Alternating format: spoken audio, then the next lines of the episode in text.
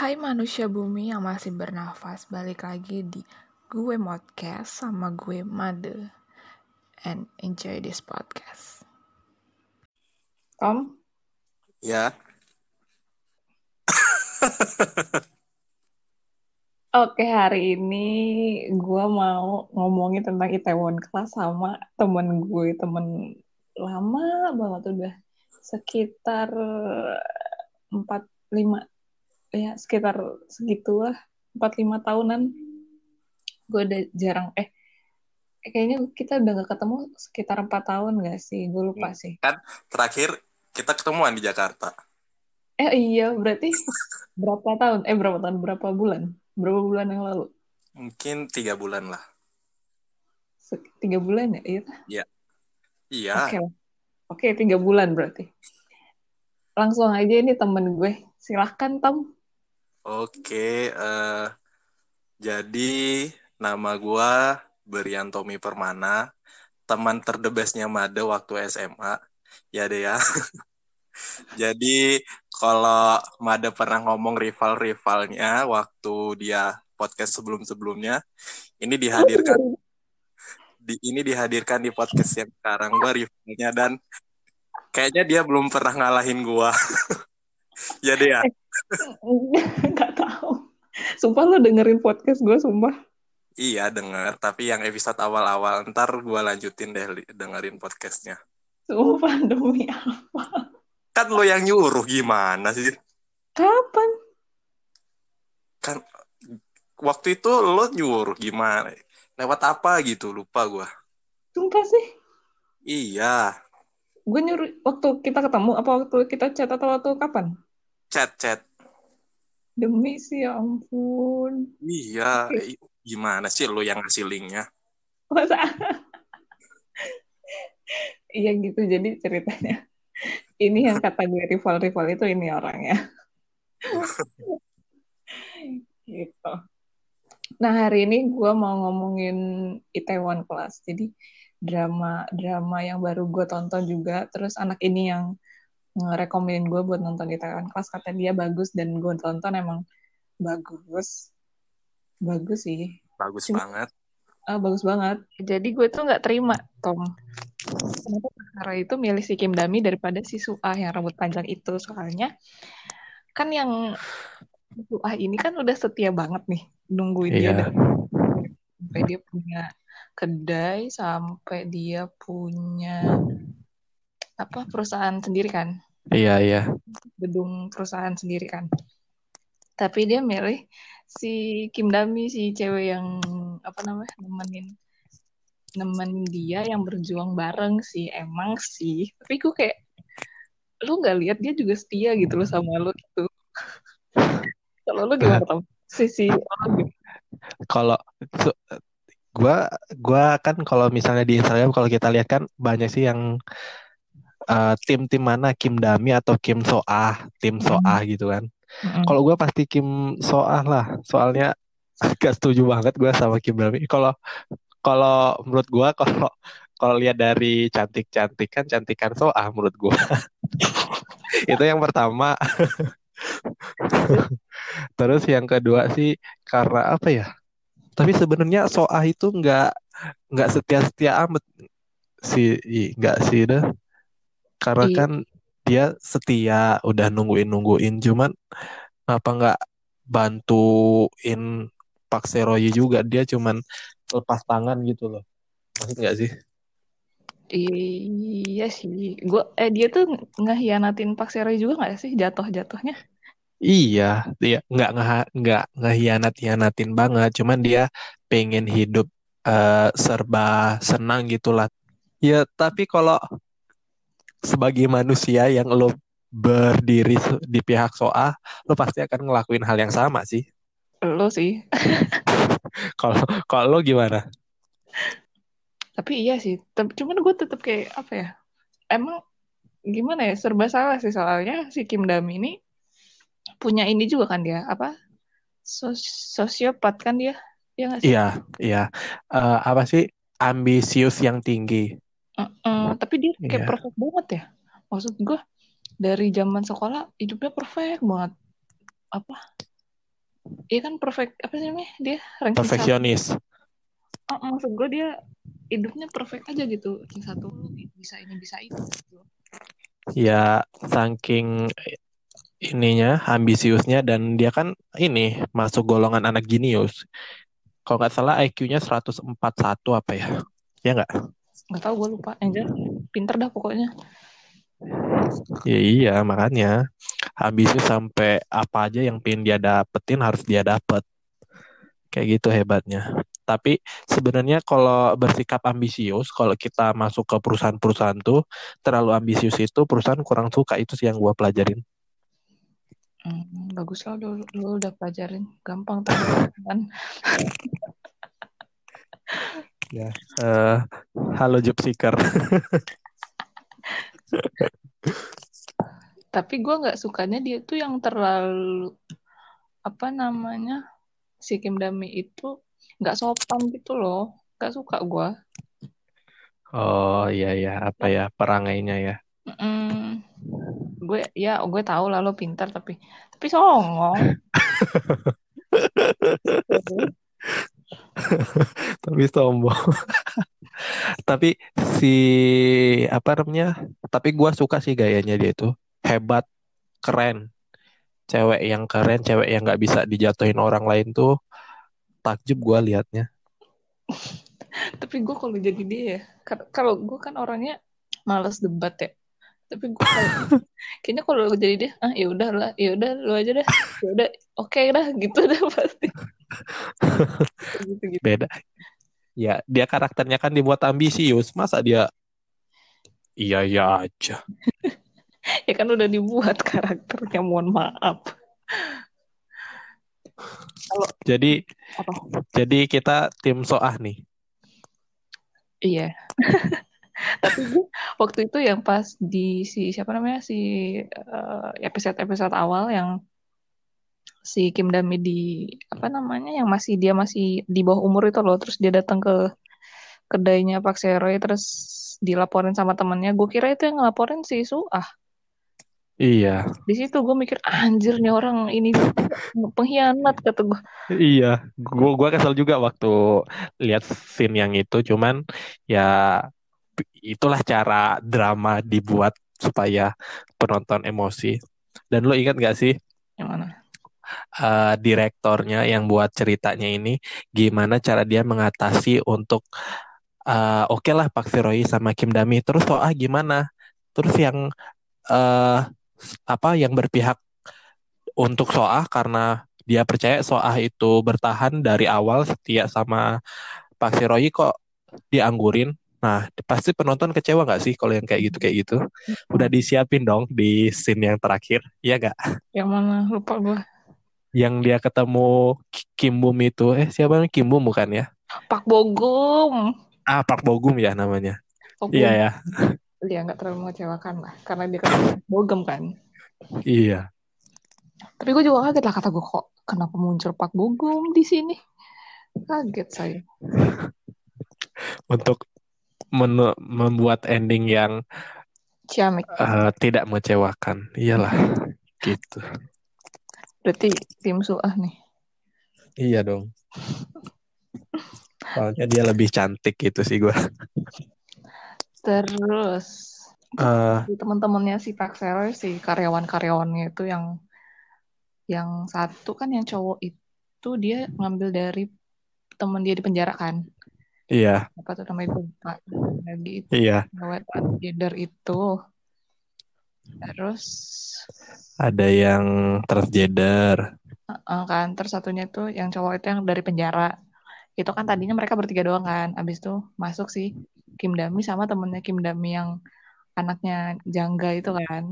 Iya, nah kalau kata lu eh, itu kan si karyawan itu yang dari penjara itu maksud gue dia kan mantan narap narapidana ya sama kayak Pak Saroy sih emang.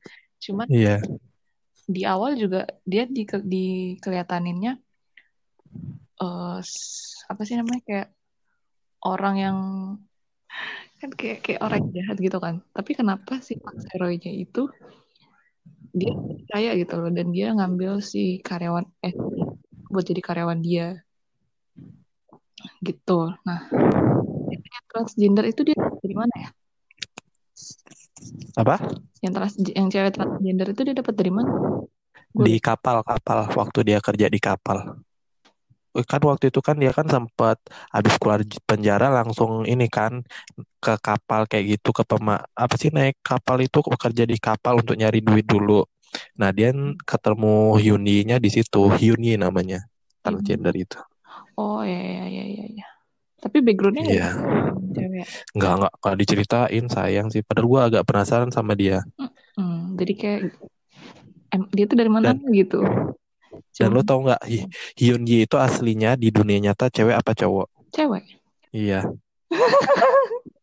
Lo baru gua tahu. kira cowok. Gua kira cowok sampai gua cari loh. Hyun Yi ini cewek apa cowok? Gua carinya ke Google langsung deh. Dari awal gua bingung itu sebenarnya cewek apa cowok ya. Berarti keren lah dia cara meraninnya. Bingung. Itu cewek, dia tuh pernah main di ini di weight weightlifting Kimberly Iya, gua kira cowok dia tuh yang berperan ke ce- cewek-cewekan. Ternyata kebalik. Keren sih. Hmm, cewek dia tuh. Kalau kalau lu apakah lu akan me Aduh anjir. Merekrut gitu ya.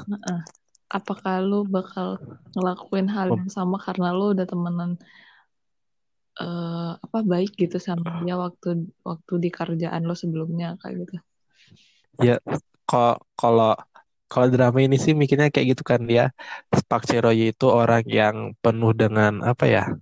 Dengan kejelekan di dunia ini, keburukan-keburukan. Jadi dia merangkul orang-orang yang sama, yang setara sama dia gitu nggak sih? Hmm. Ya nggak? Nggak ya? Soalnya Tapi tapi kalau gua, kalau misalnya gua buka restoran, terus gua punya temen narapidana, gak bakal sih gua ambil temen transgender, gak bakal gua perkerjain walaupun itu sedekat apa pun, walaupun itu sahabat gua, walaupun itu keluarga gua. Karena apa ya? bakal jadi isu gitu ya. Iyalah, apa namanya? Dan itu kalau dilihat dari negatif positifnya, hal-hal yang ada di pikiran kita pasti banyakkan negatifnya ntar. Gue bingung. Kalau menurut lo gimana? Gue juga nggak bakal sih maksudnya. Kecuali soalnya gimana ya? Mau nyari kepercayaannya itu susah. Ya Ya nggak sih? Maksudnya dia mantan narapidana yang eh itu tau gak sih dia kasusnya apa makan di napi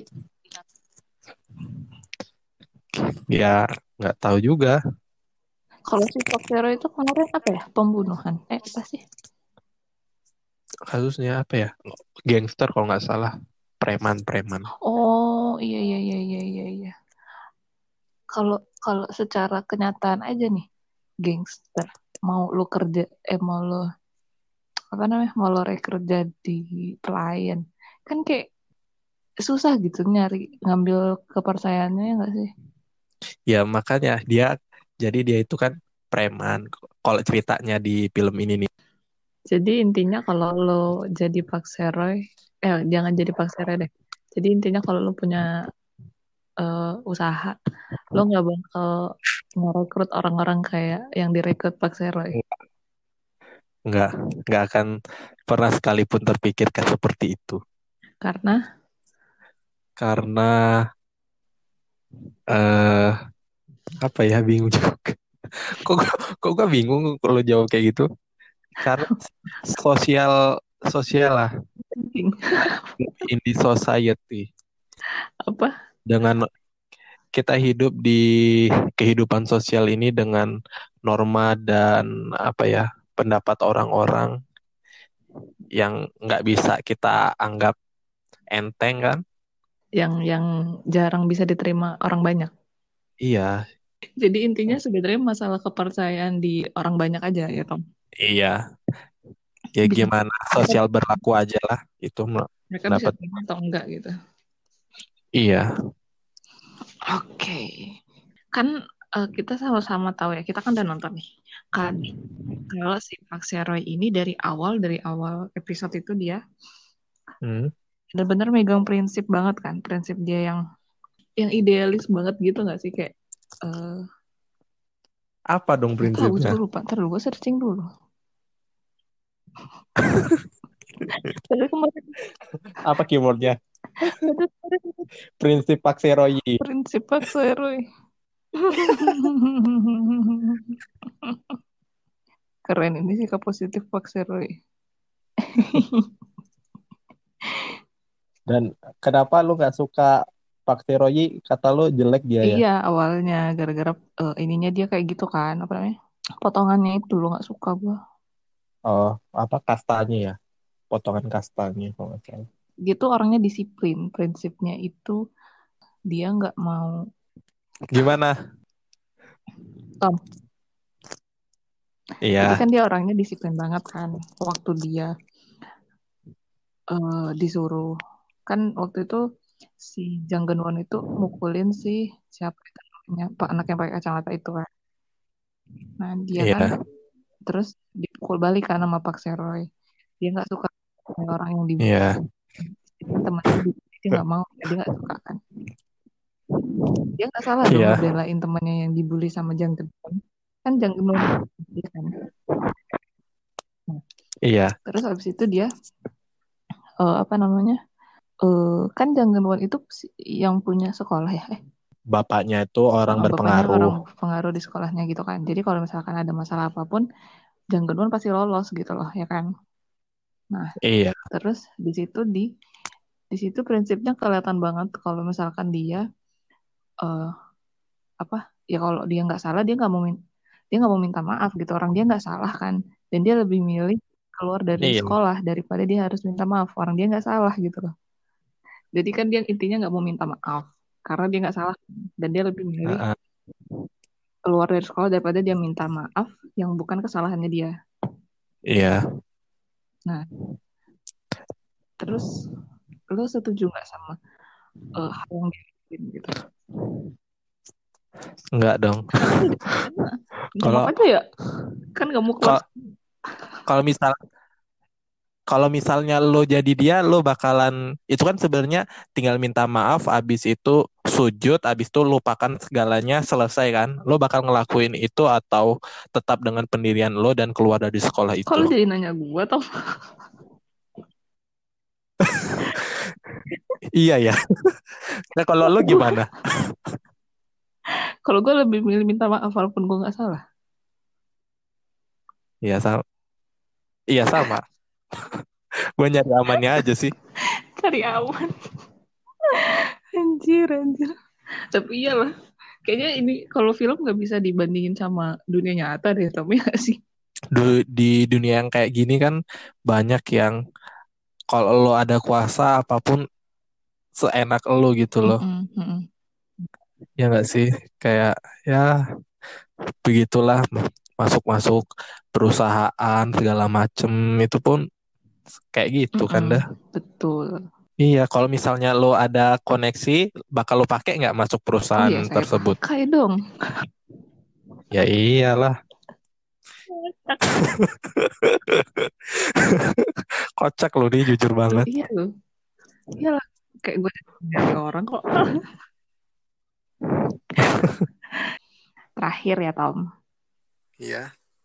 Jadi menurut lo Pak, Pak Sora itu baik atau enggak? Karena di awal dia megang prinsip banget kan untuk enggak enggak apa namanya? Untuk enggak minta maaf kalau bukan salah dia. Terus Iya. tapi habis itu dia dia balas dendam kan? Balas dendam. Balas dendam kan jahat ya. Jatuh-jatuhnya. Ya kan? Tapi kalau balas dendam yang ini bisa dimaklumi soalnya deh. ya gue baru mikir, oh iya juga ya, jahat berarti Pak Seroyi. kalau ketawa, Tapi jahatnya dia positif ya. iya iya. Sampai bisa.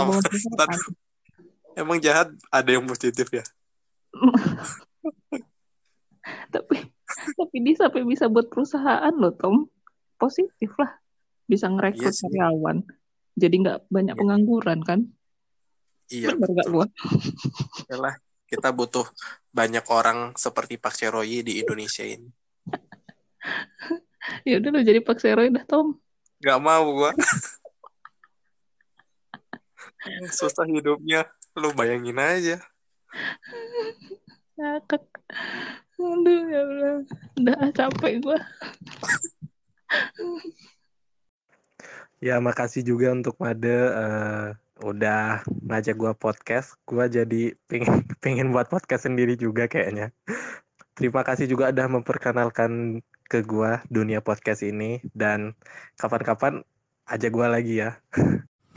thank you juga lo Tom buat eh apa thank you juga udah mau ngisi podcast sama gua udah mau gua ajak podcast juga sama-sama buat eh akhirnya gue memperkenalkan lo sama dunia podcast dan buat lo jadi pengen buat podcast juga jangan lupa ajak gue juga di podcast lo thank you ya Tom Okay, it's done for today. I hope you enjoy this podcast. Dan jangan lupa follow Spotify account gue dan IG account gue. Dan jangan lupa tetap stay di rumah dan jaga kesehatan selalu.